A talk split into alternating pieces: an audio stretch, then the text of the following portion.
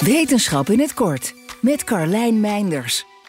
Of het nou komt door politieke voorkeur, het wel of niet vertrouwen hebben in de wetenschap, of iets als religieuze of sociale overtuigingen, we lijken steeds vaker lijnrecht tegenover elkaar te staan.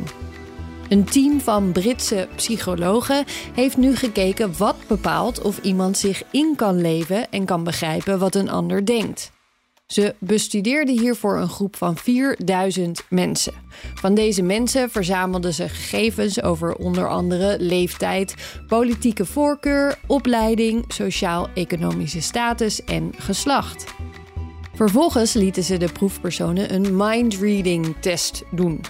Deze test werd in 2021 door dezelfde groep onderzoekers ontwikkeld en bestaat vooral uit stellingen waarmee bepaald wordt of een persoon zich goed kan inleven in wat iemand anders denkt.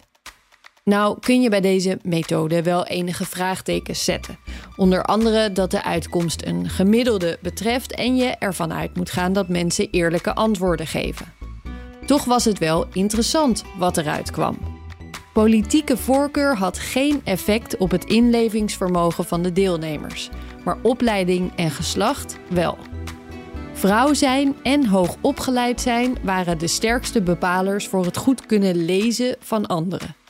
Leeftijd speelde alleen een rol als iemand op leeftijd was. Ouderen bleken ook iets minder goede social skills te hebben.